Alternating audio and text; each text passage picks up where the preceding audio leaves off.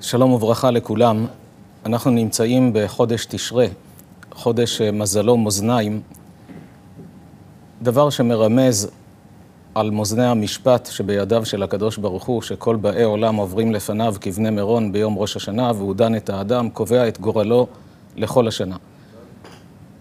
שנה שהיה בקורונה, מתי בעצם נקבע הדבר? ביום ראש השנה הקודם. רק אנחנו היינו בשגרת החיים ולא העלינו בדעתנו שבאותה שעה זה מה שנקבע למשך השנה הבאה לעם ישראל, לכל האנושות. המילה תשרה מלשון תשר, מלשון מתנה. כי אדם שבאמת יודע לנצל את החודש הזה כראוי, נותן לעצמו מתנה נפלאה לכל השנה, לכל החיים כולם. אנחנו נתבונן בעזרת השם במהות של ראש השנה, ונעבור גם על שאר חגי תשרה ונראה את הקשר שביניהם, כי לכאורה גם מתעוררת שאלה גדולה. היה צריך להיות קודם כל יום הכיפורים, שהקדוש ברוך הוא יכפר את עוונותיהם של ישראל, ואחר כך ראש השנה שבו הוא דן את האדם. אבל אם דנים את האדם, ואחר כך אומרים לו, ניתן לך יום של כפרת עוונות, אבל כבר דנו אותו, אז למה להפוך את הסדר הזה? נתבונן קודם כל במהות של ראש השנה. בדרך כלל מקובל לומר, מדוע ביום הזה הקדוש ברוך הוא דן את כל המין האנושי? כי ביום הזה נברא האדם הראשון. אז ביום בריאת אדם הראשון, הקדוש ברוך הוא דן את האדם, בודק ובוחן כל אדם ואדם איפה הוא עומד מבחינה רוחנית, מה הוא התקדם, מה הוא עשה בשנה האחרונה, מה בסדר אצלו, מה לא בסדר, ועל פי זה קובע את גורלו לשנה הבאה. שזה אחד מחסדי השם איתנו, שנתן לנו את הדין הזה בכל שנה ושנה, כי על ידי כך יש לנו זמן להתכונן. בימים של אלול, סליחות, אדם מתעורר, עושה חשבון נפש, אבל מה היה קורה אם היו עובר, עוברים עלינו חיים שלמים בלי ראש השנה, בלי ימים של דין כל שנה ושנה? האדם היה אדיש, מגיע לסוף החיים, בא לעולם האמת, פתאום רואה על מה דנים אותו, היה נבהל, שקים שקים של עוונות. אבל כך, כשבכל שנה יש לו את ההזדמנות לעשות פסק זמן, חשבון נפש, לבדוק את עצמו, לתקן, אז גם אם הוא לא נהיה מתוקן בכל, כל צעד, כל התקדמות, מטהר את האדם, מנקה אותו, מביא אותו למצב שהעתיד שלו, גם בעולם הזה, גם בחיי נצח, באיכות חיים הרבה יותר גבוהה. אז בדרך כלל נהוג לומר, ראש השנה נברא האדם הראשון, לכן הקדוש ברוך הוא דן את האדם. זה נכון, אבל יש כאן עניין מאוד עמוק, שאדם שידע לנצל את היום הגדול הזה, יגלה שיש כאן משמעות נפלאה מאוד.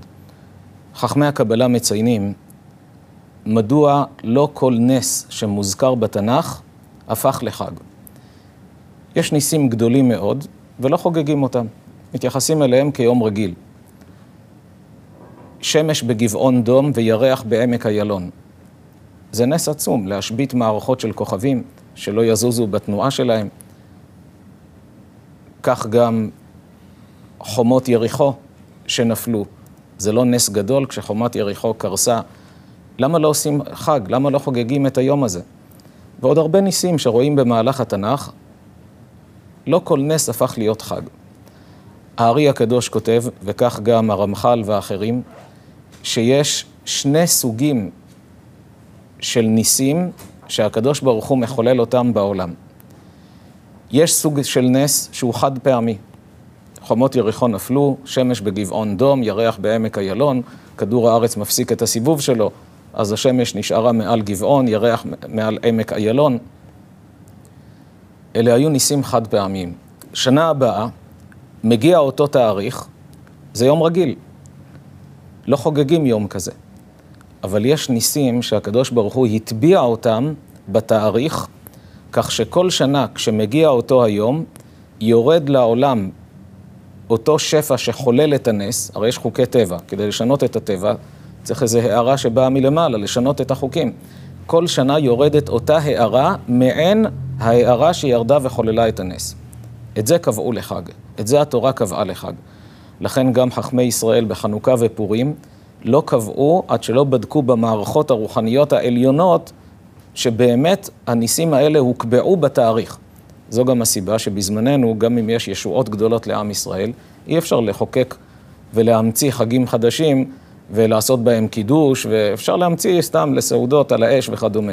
אבל חג עם כל דיני החג, זה רק מה שהקדוש ברוך הוא נתן בתורה, או חכמי ישראל, שהיו בעלי רוח הקודש, ידעו מה קורה במערכות רוחניות, להם היה סמכות.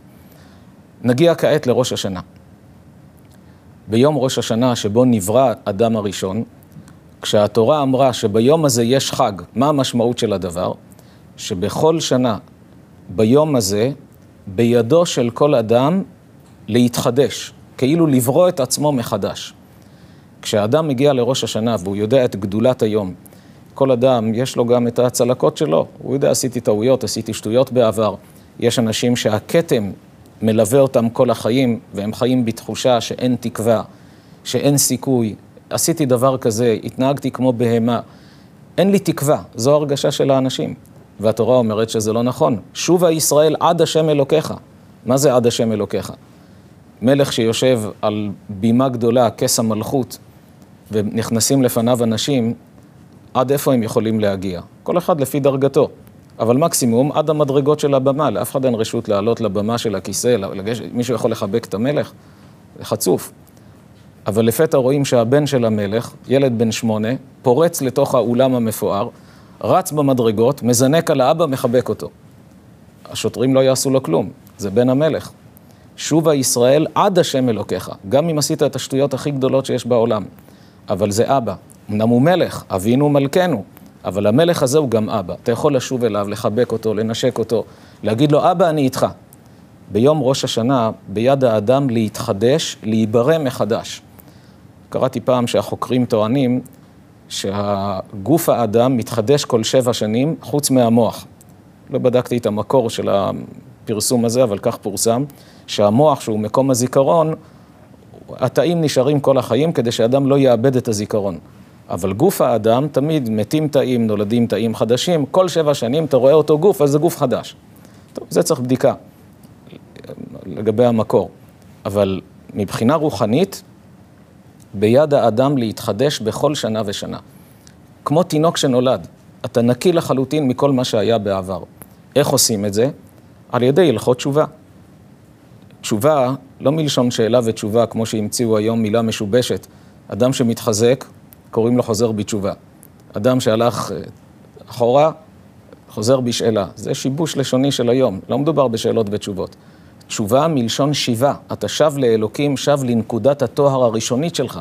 כמו שנולדת זך וטהור, אתה יכול לחזור לאותו מצב. איך? על ידי חרטה לעבר, יש הלכות תשובה, כמו שיש הלכות שבת, חרטה לעבר, קבלה לעתיד, וידוי ועזיבת החטא. חרטה לעבר, שהוא אומר, הלוואי שזה לא היה קורה. כל דבר שעשיתי נגד רצון השם, או אם הוא מתחרט על עבירה מסוימת, אז באותה עבירה הוא אומר, הלוואי שהעבירה הזו לא היה מתרחשת, לא הייתה מתרחשת, מקבל עליה עתיד, מהיום אני באמת מפסיק עם העניין הזה, מתוודה בפיו, שני הראשונים הם רק מחשבה, חרטה על העבר, קבלה לעתיד. למשל, הוא אכל דבר שלא כשר כשהיה בן 20 באיזה טיול. והוא מבין, יש פה כתם, יש פה צלקת, והוא רוצה להתנקות מזה. מקבל על עצמו חרטה, כלומר, הלוואי שזה לא היה קורה. איך עברתי על רצונו של מי שברא אותי? הוא ברא אותי יש מאין, מכלום הוא עשה אותי. אני עברתי על רצונו, זה לא הגיוני. הלוואי שזה לא, לא שהוא אומר, נהניתי, היה כיף, מהיום אני אתחיל דף חדש. זה לא תשובה אמיתית. תשובה אמיתית, חרטה לעבר, הלוואי שזה לא היה קורה. החלק השני, קבלה לעתיד. מהיום אני מפסיק עם זה. גם במצוות עשה, אם עבר על היום בלי תפילין, או יותר מיום, מהיום קבל על עצמי להניח תפילין, מתחרט על כל הימים שלא הנחתי תפילין. הייתה שבת בלי קידוש או בלי הבדלה, אני מתחרט על זה, מקבל על עצמי להשתנות. מתוודה בפיו, החלק השלישי זה דיבור. מדבר עם הקדוש ברוך הוא, ריבונו של עולם, חטאתי, נכשלתי, עשיתי כך וכך. מקבל על עצמי שלא לעשות את זה יותר. ובאמת מפסיק. אותו אדם יכול להתחדש לחלוטין, להיטהר, להיות נקי. ובראש השנה, כעת נבין איך הוא יכול לבטל מעל עצמו גזרות, אפילו אם הוא נולד עם מזל רע. יש גזרות שנגזרות על האדם במהלך החיים. עשה עוונות, נגזרו עליו גזרות כדי לנקות אותו מאותם עוונות. ייסורים ממרקין עוונותיו של אדם. אבל אדם שנולד עם מזל בעייתי, זה קשור לגלגולים קודמים, למערכות קודמות, את זה אפשר לשנות בראש השנה? הרי זה המזל שלו, נגזר עליו להיות עני. התשובה היא שכן. איך זה עובד? כשהאדם בראש השנה מתחדש, אז זה כבר אדם אחר, זה נשמה חדשה. כמו בריאה חדשה שבאה לעולם, כך יש מסוגלות ביום, היום הקדוש ברוך הוא ברא את אדם הראשון, אתה יכול להיברא מחדש בכל שנה ושנה. ואז גורלו של האדם יכול להשתנות מקצה לקצה, מזלו של האדם יכול להשתנות. כמה היום הזה כל כך גדול ונשגב. אמנם עיקר העבודה הרוחנית ביום הזה, ביום ראש השנה, זה המלאכת הקדוש ברוך הוא. למה תוקעים בשופר? כששואלים את רוב האנשים, למה תוקעים בשופר בראש השנה? מצוי שאנשים עונים כדי לעורר אותנו לתשובה. הרמב"ם כותב שזה לא מדויק. מצוות התקיעה בראש השנה היא לא נועדה לעורר בתשובה. לשונו של הרמב"ם, שאף על פי שתקיעת שופר בראש השנה זו מצווה מהתורה, אבל רמז יש בה. לומר, אורו ישני משנתכם ונרדמם הקיצו מתרדמתכם. זה רמז. השופר יש בו מסוגלות כזו של רטט שהוא מעביר בלב, ואז זה מעורר את האדם, קודח לו משהו בפנים, ואז הוא מתעורר לחשבון נפש. אבל זה עוד דבר, זה רמז. המהות של תקיעת שופר בראש השנה, מה העניין בזה? למה התורה אמרה יום תרועה יהיה לכם? מכיוון שביום ראש השנה אנחנו מכתירים וממליכים על עצמנו את הקדוש ברוך הוא מחדש בכל שנה ושנה. ביום שבו נברא אדם הראשון, שמו של הקדוש ברוך הוא הוקבע להיות מלך על בני אדם. לפני כן הוא היה מלך העולם, אבל עדיין לא היו בני אדם. כשנברא האדם הראשון, כעת הוקבע שמו להיות מלך על בני אדם. לכן, כמו שנוהג שבעולם, כתוב מלכותא דרקיעה כאין מלכותא דהרעה, כמו המלכות שבעולם. יום שבו הוכתר המלך למלך, נאספים המונים, מריעים לכבודו של המלך, תוקעים בחצוצרות, ואז המלך נכנס וכולם עומדים לכבודו. אנחנו בראש שנה תוקעים בשופר מעין החצוצרות שמריעים לפני המלך, להכריז, היום אנחנו מכתירים ומקבלים על עצמנו את המלך מחדש. כלומר, בראש השנה יש שני דברים שנראים לא קשורים, אבל שניהם נובעים משורש אחד. האחד זה יום שבו הקדוש ברוך הוא דן בני אדם ונתן אפשרות להתחדש. השני, יום ההמלכה של הקדוש ברוך הוא. ושניהם קשורים זה בזה, כי הם נובעים מכך שביום הזה נברא אדם הראשון והוטבעה מסוגלות של התחדשות בכל שנה ושנה. בזה נבין תשובה לשאלה גדולה, מדוע בראש השנה אנחנו לא עומדים מבוקר עד ערב ומבקשים בקשות. מי שיבדוק את התפילות של ראש השנה, יש שם מלכויות, זיכרונות, שופרות, אבל אין, אין בקשות. יש מעט מאוד בקשות, שההלכה היא שמי שלא אמר אותם, לא צריך לחזור על התפילה, כי הם לא חלק מהתפילה. טוב לומר, אבל אם לא אמרת, לא צריך לחזור. אדם ששיבש מהמטבע של התפילה, מה, מהנוסח המקורי של התפילה, צריך לחזור עוד הפעם. אם אדם אמר ברוך אתה השם האל הקדוש במקום המלך הקדוש, צריך לחזור על התפילה שוב. בראש השנה אומרים המלך הקדוש, לא כמו כל השנה האל הקדוש. זה, זה מההטבעה של התפילה. אבל זוכרנו לחיים מלך חפץ בחיים, כותבנו בספר חיים למענך אלוהים חיים. זאת תקנה שהוסיפו יותר מאוחר, לא חלק מההטבעה של התפילה. אז אם אמרת טוב מאוד, לא אמרת והגעת לברוך אתה השם, לא חוזר. כך גם כתוב לחיים טובים כל בני בריתך, ובספר החיים ברכה ושלום, פרנסה טובה. כל אלה אם לא אמר, לא חוזר. אבל לכאורה למה? הרי יום ראש השנה היינו צריכים לעמוד מבוקר עד ערב לבקש בקשות, הקדוש ברוך הוא דן את האדם. אבל התשובה פשוטה. נתאר לעצמנו, המונים נאספו, חצוצרות, המלך נכנס, כולם מרעים לכבודו, לפתע אחד האזרחים קופץ שם על הספסל, צועק למלך, אדוני המלך, אני גר בכפר פלוני, הפרנסה שלי קשה, אני מבקש שהמלך יסדר לי משכורת חודשית. מיד יבואו חיילים, יזרקו אותו משם. הוא ישאל אותם, אסור לבקש בקשות מהמלך, זה המלך שלי. יגידו לו, אפשר לבקש, אבל לא עכשיו. זה מעמד ההכתרה, לא מתאים עכשיו. אבל מה יהיה אם יעמוד אותו אדם ויאמר, אדוני המלך, אני גר בכפר פלוני, ושם אנשים לא מכירים את הוד מלכותו ואת גדולתו, ואני רוצה לחבר את העם עם המלך יותר. ואני מבקש, בגלל שאני צריך פרנסה, המלך יסדר לי פרנסה, ואז אני רוצה להפיץ את גדולתו של המלך בין כולם, לחבר יותר, אני יודע שהמלך אוהב את האזרחים ורוצה שכולם יהיו מחוברים אליו. זו כבר התייחסות אחרת. כי הוא אמנם מבקש פרנסה, אבל לכבודו של המלך. לכן כל הבקשות שאנחנו מבקשים, זוכרנו לחיים, מלך חפץ בחיים, כותבנו בספר חיים, למענך אלוהים חיים. כלומר, כל הבקשות שלי הן לכבודך. כשאדם מבקש בקשות לכבודו של המלך, לכבודו של הקדוש ברוך הוא, זה אפשר לבקש ביום ראש השנה.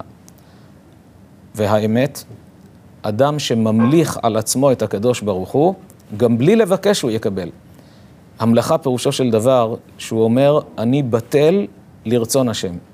כשהוא אומר בתפילה שהוא מבקש שמלכות השם תהיה בכל העולם, וידע כל פעול כי אתה פעלתו, ויבין כל יצור כי אתה יצרתו, ויאמר כל אשר נשמה באפו השם אלוהי ישראל מלך ומלכותו בכל משלה. הוא אומר, אני מחכה ליום הזה. להבדיל, כשהשח הפרסי הודח מהמלכות שלו, חומייני הגיע, הוא ברח לפני שייהרג, ברח למצרים, ובנו, הנסיך, אלו בן יחיד, גם הוא ברח יחד איתו. ננסה לחשוב איזו תחושה הייתה לבן הזה כשהוא רואה את אביו נמצא בגלות במצרים, כשהוא יודע שיש לו ממלכה אדירה שם, עם ארמון מפואר וזרקו אותו משם. אז גם אם יש לו כסף והוא חי בטוב ובנעימים, אבל הבן כואב לו. תראה באיזה מצב האבא. כשיהודי מת, מתפלל, אני רוצה לראות את מלכות השם בכל העולם, מקבל עליו את מלכות השם, והוא אומר, כל דבר שעשיתי נגד המלך, אני מצטער על הכל, רוצה להתחיל דף חדש. ממילא הקדוש ברוך הוא ייתן לו שפע של ברכה והצלחה וכל טוב, כי האדם הזה מקבל על עצמו את מלכות השם. הגמרא אומרת, למה תוקעים בשופר כשיושבים, ואחר כך שוב תוקעים כשעומדים? כי יש מקטרג עליון שמסטין ומקטרג על עם ישראל, ועל ידי כך זה מבלבל אותו. למה מבלבל אותו? כי התקיעות הראשונות הן מצווה מהתורה. אז כשעם ישראל תוקע בשופר, אין כאן הוכחה שהם ממליכים על עצמם מרצון. אבל כשפעם שנייה הם תוקעים, מתוך שהם רוצים, זה אומר שזו כבר תקיעה שבאה מהלב. ואז כשאדם ממליך על עצמו את הקדוש ברוך הוא מהלב, גם בלי חובה, אני לא חייב, אבל אני ממליך את הקדוש ברוך הוא, ממילא כל הגזרות מתבטלות. זה בעצם הגדולה שיש לנו ביום ראש השנה. למה בא יום הכיפורים לאחר מכן? אם היה יום כיפור לפני ראש השנה, האדם, בלי יראת הדין, בלי חרדת הדין, היה יכול להעביר את היום הזה בקלות. ואחר כך מגיע יום הדין, כבר לא יכול לתקן. לכן הקדוש ברוך הוא בחסדו הפך את הסדר. קודם כל עשה יום של דין, שאז האדם יש לו משפט, נכנס לתובנות, להתבוננות, אחר כך עשרת ימי תשובה. כתוב שיש אנשים שבראש השנה הקדוש ברוך הוא מיד קובע את גורלם לטובה. יש כאלה מיד קובע את גורלם אחרת, תלוי במצבם. בינוניים, תלויים ועומדים מראש השנה ועד יום הכיפורים. מצב ביניים. לכן כתוב, לעולם יראה אדם עצמו כאילו חציו זכאי וחציו חייב. אסור לאדם לומר שהוא צדיק גדול, ואסור לאדם לומר לעצמו שהוא רשע גדול. אתה לא יכול לדעת אצל הקדוש ברוך הוא איך הוא דן כל דבר, באיזה משקל יש לכל מעשה. תמיד תראה את עצמך בינוני. ואז, אם אתה בינוני, מצווה אחת, הכרעת את הכף לכף זכות. עבירה אחת, הכרעת לכף חובה. לכן בעשרת ימי תשובה כתוב בהלכה, גם אם יש לאדם דברים שהוא לא כל כך נזהר בהם כל השנה, אפילו חומרות, עשרת ימי תשובה, תקפיד יותר, תהדר יותר. כי כל דבר קל יכול להכריע את הכף. ואז מגיע יום הכיפורים, יום של מסוגלות של תשובה, כי ביום הזה יכפר עליכם לטהר אתכם מכל חטאותכם. לפני השם תטהרו. יש עבירות קלות שאדם עושה תשובה, מיד מתחפר לו. יש עבירות יותר חמורות, שגם כשעשה תשובה, מתחיל הניקיון, אבל לא יסתיים עד שיגיע יום הכיפורים. וביום הזה האדם נטהר, נהיה סטרילי, נהיה נקי לפני הקדוש ברוך הוא. זוהי גדולת יום הכיפורים. עכשיו נבין מדוע חג הסוכות מגיע לאחר יום הכיפורים. ובסוף שמיני עצרת. החג היחיד מהתורה שהוא ביום השמיני זה רק שמחת תורה, שמיני עצרת. מה פשר היום הזה? כשבוחנים את מעגל החגים שבשנה, אלה שמהתורה, לא תקנת חכמים, חנוכה ופורים תקנת חכמים, אבל החגים שבתורה, יש בזה סדר מיוחד. בתחילה, פסח. ניסן נחשב החודש הראשון מבין 12 החודשים. רק באלף בתשרי אנחנו חוגגים את ראש השנה, כי זה ראש שנה לבני אדם, פה נברא האדם הראשון. אבל מצד סדר החודשים, החודש הראשון הוא ניסן, פסוק בתורה, החודש הזה לכם ראש חודשים, ראשון הוא לכם לחודשי השנה. בפסח, עם ישראל עדיין היו עם של עבדים. לא מכירים את אלוקים. הם היו שקועים באלילות כמו המצרים.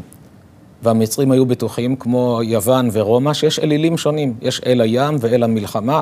כל כוח בטבע ייחסו לו אל אחר. לא ידעו שיש אל אחד שהוא בעל כל הכוחות. לכן אנחנו קוראים לו בשם אלוקים, בלשון רבים. לא שהוא רבים, הוא אחד. אז מה זה בראשית ברא אלוהים את השמיים ואת הארץ? ברא זה אחד, אבל אלוהים לשון רבים. אל זה כוח. אלוהים שהוא בעל כל הכוחות כולם. לא כמו שהם חשבו, יש אל כזה ויש אל כזה. אלא הוא, יש לו את כל הכוחות. הוא שולט במים ושולט באש ושולט בחיים. עשר המכות הוכיחו לעם ישראל וגם למצרים שבורא העולם שולט בכל מערכות הטבע. מי שיעבור על כל עשרת המכות, אתה רואה כל מערכות הטבע, אם זה המים, אם זה האש, אם זה חיי אדם, חיי בעלי חיים, בריאות, הכל נמצא שם. כשעם ישראל עבר את הסדר הזה, קיבלו חוסן של אמונה. פסח הוא חג של אמונה. עדות צפון אפריקה יש להם המימונה, בסוף הפסח לחגוג את האמונה, זה חג של אמונה. אחרי שהאדם יודע שיש אלוקים, עכשיו אלוקים צריך לתת לו הוראות, לקבל, לדעת בשמו הוא ברא את העולם, מה התכלית. זה טוב, זה לא טוב, מה נכון לי לעשות. לכן ספרו 49 ימים, נכנסו ל-49 שערי קדושה, יום החמישים מתן תורה. אחרי שאתה יודע שיש אלוקים, עכשיו אתה יכול לקבל את התורה שלו, וידריך אותך איך לחיות נכון. עובר זמן, אומר הקדוש ברוך הוא לאדם, לטובתך, בוא נבדוק. כמו שעושים מבחן בכיתה בבית הספר מדי פעם, איפה התקדמת, מה אתה לא בסדר, נעזור לך להתקדם. אז מגיע ראש השנה. לפני שקיבלנו תורה, אי אפשר שיהיה ראש השנה. על מה אתה דן אותי? לא יודע כלום. קיבלו את התורה, מגיע ראש השנה. אחר כך, כמו שהזכרנו, עשרת ימי תשובה, עוד אופציה, עוד אפשרות ניתנה לאדם להתנקות. יום הכיפורים, פסגת הניקיון. הסתיים יום הכיפורים, עכשיו אתה יכול לחגוג בחג הסוכות. על חג הסוכות נאמר, ושמחת בחגיך, והיית אך שמח. חג השמחה מכל חגי השנה הוא החג של סוכות, שמחת בית השואבה. למה עכשיו? אור זרוע לצדיק ולישרי לב שמחה. רק כשאדם טהור, כשהלב שלו ישר, עכשיו הוא יכול לשמוח. אדם שיש לו כסף, יש לו הנאות, יש לו תאוות, אבל הוא יודע, אני לא בסדר, האמת פה ואני שם. אז גם כלפי חוץ הוא מחייך, בפנים הוא מרגיש רע. אם הלב שלו מעוות ועקום, הוא לא יכול להיות שמח באמת. הוא יכול לשחק משחקים של שמח, אבל הוא לא שמח באמת. אבל אור אמיתי זה אור זרוע לצדיק. צדיק זה שומר על הברית, וצדיק יסוד עולם, כמו יוסף הצדיק. אור זרוע לצדיק, כולו מואר מבפנים, ולישרי לב, שמחה.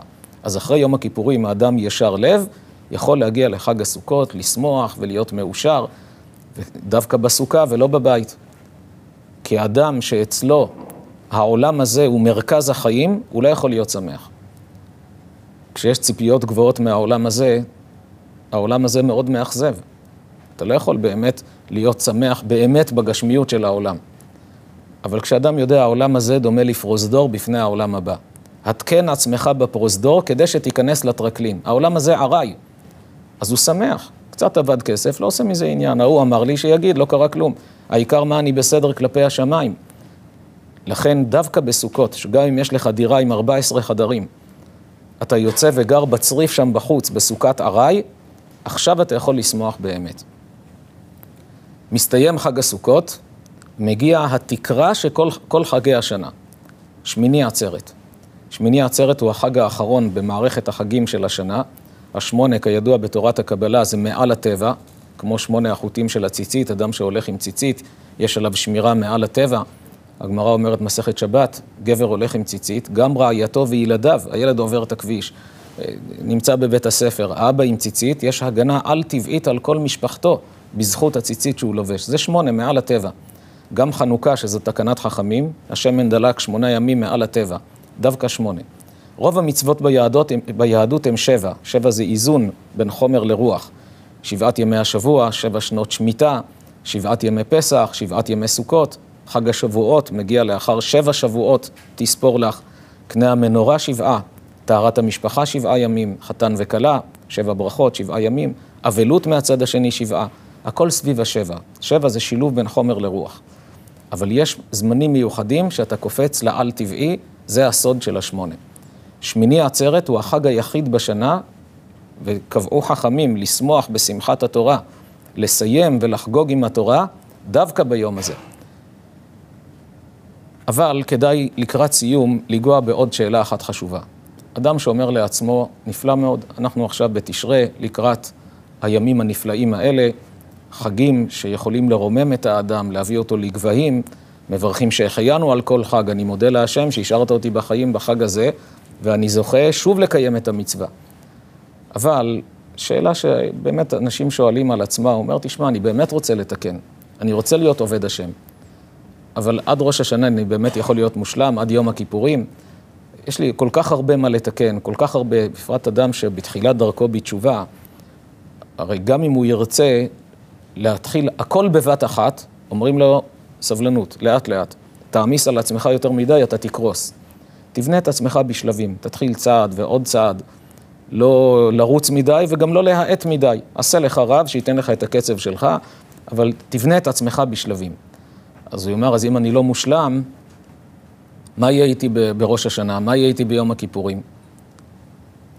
יש סוד גדול שהתורה גילתה לנו. בפרשת ראה כתוב, ראה אנוכי נותן לפניכם היום ברכה וקללה.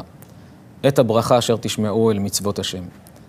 קללה, חס ושלום, אם לא. החיים והמוות נתתי לפניך, ובחרת בחיים. המילים ובחרת בחיים נראות מיותרות. אם הקדוש ברוך הוא אומר לך, פה זה חיים, שם זה מוות, אז הוא צריך להגיד לך, תבחר בחיים. ברור שכל אדם יבחר שם. חז"ל אומרים במדרש, אני אקריא את לשון המדרש כאן, בדברים רבה, על הפסוק הזה בפרשת ראה, כתוב כך: אמר רבי חגי, ולא עוד שנתתי לכם שני דרכים, כלומר, לא רק שנתתי לפניכם שני דרכים אפשרות של בחירה, אלא שנכנסתי לפנים משורת הדין, ואמרתי לכם, ובחרת בחיים. מה פירוש המילים האלה? שהקדוש ברוך הוא נכנס איתנו לפנים משורת הדין, והוא אומר, ובחרת בחיים. איזה לפנים משורת הדין יש כאן? אבל יש כאן עומק נפלא. אומר לנו הקדוש ברוך הוא כך, זה ברור שאם אתה בוחר בדרך טובה, יהיה לך טוב. אתה בוחר בדרך רעה, אז יהיה אחרת. זה דין, נכון? מה שמגיע אתה מקבל, מה שלא מגיע אתה לא מקבל. אבל הוא אומר, הלכתי עמכם לפנים משורת הדין, וברגע שאתה בוחר ללכת בדרך טובה, גם אם עדיין לא הגעת ליעד, אני מחשיב לך כאילו הגעת ליעד. כי אני לא מצפה ממך שביום אתה תהיה מלאך, אבל אני כן מצפה שמה שאתה יכול להתקדם ביום, תתקדם ביום. אתה יכול להתקדם בחודש, אני מצפה שתתקדם בחודש. זה שלא הגעת לשלמות, כי עדיין לא עבר מספיק זמן, אני מחשיב לך כאילו הגעת לשלמות. זה מה שהוא אומר. לא עוד שנתתי לכם שני דרכים, אלא שנכנסתי לפנים משורת הדין ואמרתי לכם, ובחרת בחיים. תבחר, מבחינתי זה כמו שהגעת ליעד. כמה צריך לשמוח בחסד השם הגדול שעשה איתנו, ולא להתייאש. לדעת כשאדם בוחר בטוב, צועד בטוב, אצל בורא עולם אתה ממצה את מה שאתה יכול לעשות היום, מחר, הגעת למיצוי, אתה שואף להגיע לשלמות, הוא מחשיב אותך כאילו הגעת לשלמות. בזה יש תשובה לעוד שאלה ששמעתי כמה פעמים מחוזרים בתשובה בתחילת דרכם. הוא אומר, תגיד, באמת כדאי להתפלל שיבוא משיח? שווה לי להתפלל. אם יבוא משיח, יתפוס אותי במצב שלי. אני במצב מאוד ירוד. אולי עדיף שיבוא עוד שנה, אני אתקדם יותר, ואז שווה שיבוא משיח. התשובה היא, תתפלל שיבוא משיח, משתי סיבות. סיבה אחת, רוצים שכבוד השם יהיה בעולם, גם אם אני מפסיד באופן אישי. אבל מלכות השם, כשיבוא משיח, כולם יכירו במלכותו. אבל מצד האמת אתה גם לא מפסיד. כי ברגע שהגעת ל... ובחרת בחיים, אתה אומר, ריבונו של עולם, אני יודע שאני לא מלאך ביום, אבל אני יודע שבעוד שנה אני אגיע ליעד ההוא. כי זה המקסימום של הכוחות שלי בבנייה הדרגתית. כשבא משיח, הוא מחשיב אותך כאילו כבר הגעת לשם. זה הלפנים משורת הדין שהקדוש ברוך הוא הולך איתנו. כמה צריך לנצל את הימים הגדולים האלה, כשאדם עושה חשבון נפש, מתקן את עצמו. אחד מהדברים שצריך לבדוק, איפה הילדים שלי לומדים? האם במוסדות חינוך תורניים שיכוונו אותם לשמירת מצוות, לכיבוד הורים, לכבוד הזולת, לעבודת המידות, חס ושלום במקומות אחרים שמובילים אותם למקומות אחרים, זה אחריות שלנו ההורים, לחנך את הילדים כמו שצריך. וכשאדם מקבל על עצמו קבלות טובות, מגיע לראש השנה מוכן, הקדוש ברוך הוא נותן לו ברכה והצלחה לכל השנה כולה. ויהי רצון שהדברי תורה יהיו לשמירת כל עם ישראל וחיילי ישראל בכל מקום שהם, שהשם ייתן לכולם בריאות איתנה, רפואה שלמה, ונזכה לגאולה שלמה בחסד ורחמים, אמן ואמן.